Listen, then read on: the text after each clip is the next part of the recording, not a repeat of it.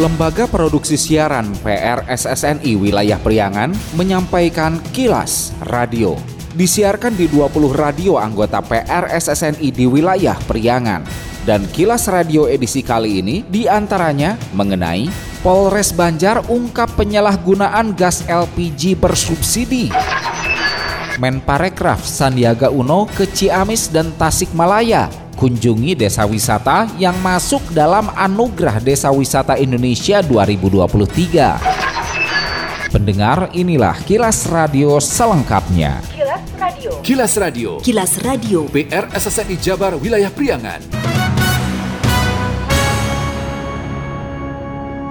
Satreskrim Polres Tasikmalaya menangkap 9 pelaku dari enam kelompok spesialis pencurian sepeda motor curanmor yang beraksi di wilayah Kabupaten Tasikmalaya. Para pelaku dari kelompok 1 ada RH, A, FA, dan I, pelaku di bawah umur. Kelompok 2 yaitu D, kelompok 3 yaitu DA, kelompok 4 yaitu DH, kelompok 5 yaitu YY, dan kelompok 6 SMG dan MZ pelaku di bawah umur. Kapolres Tasikmalaya AKBP Suhardi Heri Herianto Kamis 6 April menjelaskan dari enam kelompok pencuri pihaknya sudah mengamankan dan menangkap 9 orang tersangka di delapan tempat kejadian perkara TKP di antaranya di wilayah Kecamatan Cipatujah, Lewisari, Singaparna, dan sebagian besar dilakukan di wilayah Kabupaten Tasikmalaya. Menurut Kapolres, modus para pelaku ada yang menggunakan kunci letter T atau kunci palsu serta ada yang menggandakan kunci. Itu ada 8 TKP, Cipatujah, Lewisari, Singaparna yang semuanya hampir sebagian besar di wilayah Kabupaten Tasikmalaya. Ada berbagai macam modus ya, yang jelas dari beberapa modus ini ada yang menggunakan kunci letter T kunci palsu dan ada juga yang menggandakan kuncinya. Kapolres Suhardi menambahkan, para pelaku diancam pasal 363 KUH pidana tentang pencurian dengan pemberatan ancaman di atas lima tahun penjara. Masih berita mengenai ekspos kepolisian, kali ini dari Banjar. Satuan Reserse Kriminal Polres Kota Banjar berhasil menangkap dua orang pria berinisial YAS usia 38 tahun dan AS usia 29 tahun tersangka penyalahgunaan gas LPG bersubsidi 3 kg. Tak hanya tersangka, polisi juga mengamankan sejumlah barang bukti yang digunakan untuk melakukan pengoplosan. Kapolres Banjar AKBP Bayu Catur Prabowo saat press release Kamis 6 April menjelaskan menjelaskan pengungkapan bermula dari informasi masyarakat terkait dengan kelangkaan bahan bakar gas berukuran 3 kg berlanjut pihaknya selama dua minggu melakukan penyelidikan. Menurut Bayu, modus pelaku membeli gas LPG 3 kg di salah satu pangkalan wilayah Kelurahan Mekarsari Kota Banjar, lalu tersangka YAS mengangkutnya dari pangkalan dan menjualnya ke wilayah Dusun Sindang Tawang, Desa Sindang Hayu, Kecamatan Banjarsari, Kabupaten Ciamis untuk dilakukan penyulingan. Selanjutnya, tersangka tersangka AS melakukan penyulingan gas dari 3 kg ke 5,5 kg dan 12 kg berwarna pink. Pada saat diamankan, para tersangka ini sedang melaksanakan kegiatan memindahkan gas dari tabung 3 kg ke tabung 12 kg. Proses penyelidikan yang cukup panjang berkat kerjasama dari seluruh masyarakat yang menginformasikan kepada kita. Kita berharap bahwa pengungkapan ini sebagaimana instruksi dari Presiden ditindaklanjuti oleh Bapak Kapolri dan Bapak Kapolda Jawa Barat, kita dari pihak kepolisian memiliki kewajiban untuk melakukan pengawasan terhadap distribusi bahan bakar minyak maupun bahan bakar gas agar tidak terjadi penyimpangan. Kasat Reskrim Polres Banjar AKP Ali Jupri menyampaikan keuntungan yang diperoleh dari hasil penyulingan gas isi 3 kg ke gas isi 12 kg bisa mencapai 14 juta per hari. Lebih lanjut, Jupri menyebut setelah dilakukan penyulingan, gas isi 12 kg dijual tersangka di wilayah Kota Banjar dengan harga Rp220.000 dari modal Rp80.000 per tabung. Ditambahkannya, saat ini pihaknya juga masih melakukan pengejaran terhadap tersangka lainnya yang melarikan diri, dua orang pelaku berperan sebagai pemilik dana dan penyulingan gas.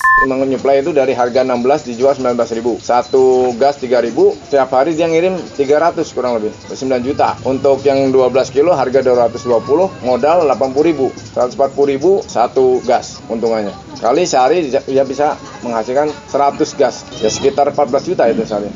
Ini masih ada beberapa pelaku yang masih kita kejar. Untuk sementara baru dua orang. Ada dua pelaku yang masih dalam kita pengejaran. Orangnya dia sebagai pemilik daripada gas ini, dia yang mendanai sampai sekarang masih dalam pengejaran. AKP Ali Jupri menegaskan atas perbuatannya para tersangka terancam hukuman 6 tahun penjara. PT Kereta Api Indonesia KAI Daerah Operasional Daop 2 mengingatkan kepada masyarakat agar berhati-hati saat melintas di pintu perlintasan kereta api termasuk tidak melakukan aktivitas di sepanjang jalur perlintasan atau rel kereta api. Manajer Humas PT KAI Daop 2 Bandung Mahendro Trangbawono menjelaskan kehati-hatian masyarakat diharapkan semakin ditingkatkan apalagi saat masa angkutan lebaran 2023 pada 14 April hingga 3 Mei mendatang lantaran dengan beroperasinya 23 lokomotif dengan 140 kereta untuk 497 perjalanan kereta api jarak jauh terdiri dari 440 kereta reguler dan 57 kereta api tambahan sehingga bisa dipastikan akan seringnya kereta api melintas. Mahendro menyebut PT KAI sudah menyiapkan juga petugas khusus di perlintasan sebidang yang tanpa petugas namun tidak semuanya sehingga peran aktif masyarakat dalam dalam meningkatkan kehati-hatian dan kewaspadaan sangat diperlukan.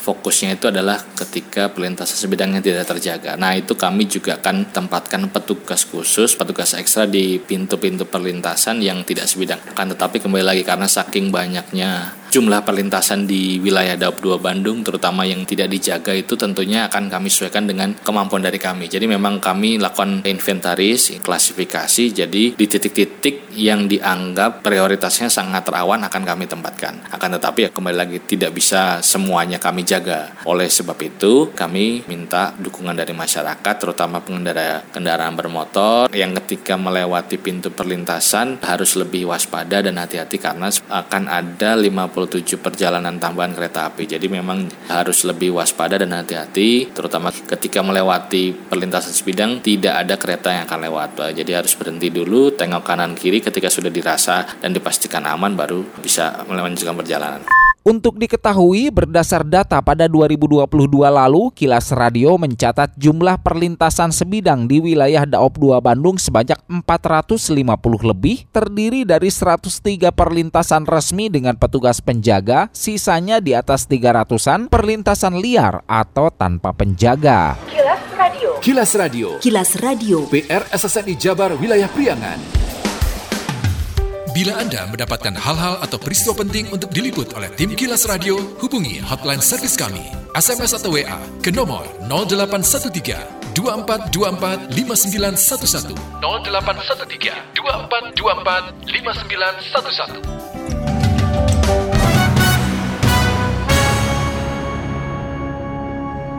Menteri Pariwisata dan Ekonomi Kreatif Menparekraf Sandiaga Salahuddin Uno kunjungi Desa Wisata Selamanik Kecamatan Cipaku Kabupaten Ciamis Kamis 6 April. Diketahui Desa Selamanik menjadi salah satu dari 75 desa wisata terbaik dalam Anugerah Desa Wisata Indonesia ADWI 2023. Sebanyak 75 desa wisata itu merupakan desa wisata terbaik yang telah dipilih dari 4.573 desa yang mendaftar pada pada 2023. Menparekraf Sandiaga Uno menyampaikan dengan desa wisata utamanya ditargetkan pada 2024 dapat menjadi penopang dan penciptaan 4,4 juta lapangan pekerjaan dari sektor pariwisata. Sandiaga berpendapat Desa Selamanik memiliki peluang untuk mengambil beberapa usaha-usaha yang berkaitan dengan ketahanan pangan. Ia menuturkan dunia usaha yang akan didorong kementerian untuk Desa Selamanik adalah berkaitan dengan kelengkapan homestay, mengingat mengingat dari 75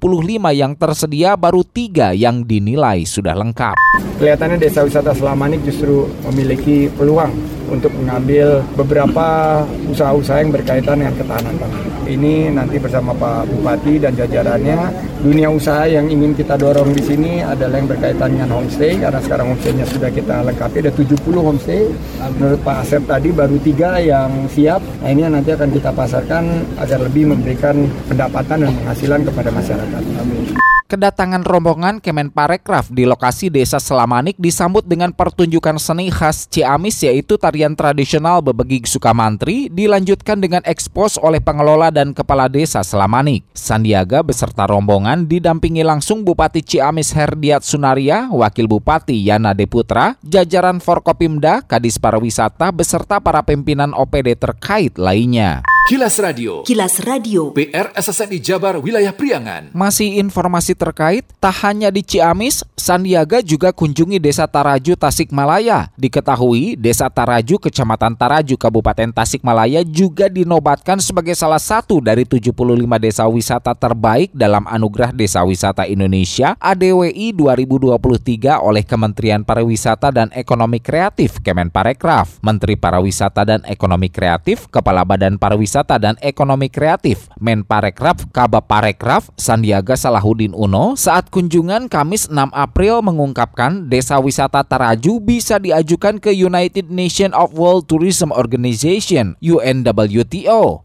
Menurutnya, dari kelompok sadar wisata Pok Darwis di Desa Wisata Taraju, ia melihat dari awal antusiasme masyarakat luar biasa dan jangan berhenti di tingkat nasional saja karena bisa diangkat menjadi desa wisata yang diajukan ke UNWTO sebagai the best tourism village atau yang disebut sebagai desa wisata terbaik dunia. Sandiaga menyebut desa wisata yang terletak di Yogyakarta telah mewakili Indonesia di kancah internasional karena dinobatkan menjadi salah satu the best Tourism Village UNWTO. Tidak menutup kemungkinan desa wisata Taraju bisa juga. Pertama juara kabupaten, habis itu juara provinsi, setelah itu masuk juara nasional. Jangan berhenti di sini, karena ini bisa kita angkat menjadi desa wisata yang kita ajukan juga ke UNWTO sebagai the best village tourism atau yang disebut sebagai desa wisata terbaik dunia. Sudah ada beberapa yang masuk, salah satunya dari Gunung Kidul, desa wisata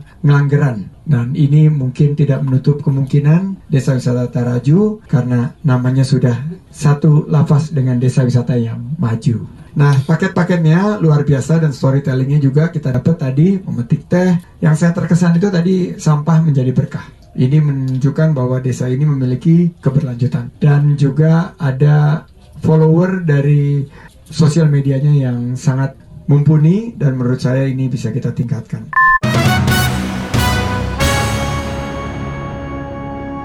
Bupati Rudi Gunawan meminta agar restoran di Kabupaten Garut dapat menyediakan tempat parkir yang luas sehingga nantinya tidak akan terjadi kemacetan total ketika terdapat banyak pengunjung di restoran menghadapi musim libur lebaran. Rudi saat menghadiri silaturahmi Perhimpunan Hotel dan Restoran Indonesia PHRI Kabupaten Garut Kamis 6 April juga menyampaikan strategi yang bisa dilakukan PHRI dalam memberikan pelayanan kepada para tamu ataupun pengunjung yang akan datang ke Kabupaten Garut selama Hari Raya Idul Fitri. Rudi memprediksi Kabupaten Garut akan kedatangan pemudik atau pengunjung lebih banyak dari tahun lalu sehingga ia berharap setiap restoran dapat menyampaikan stok makanan yang lebih banyak dari biasanya. Ia juga berharap hotel dapat menyiapkan beberapa pelayanan seperti makanan khas Garut untuk para pengunjung serta stok oleh-oleh di Kabupaten Garut agar diperbanyak. Saya mohon juga di tempat parkir kalau perlu ya ini masalah digantung parkir parkir yang nanti dengan Polres kita akan mengundang sebenarnya rapat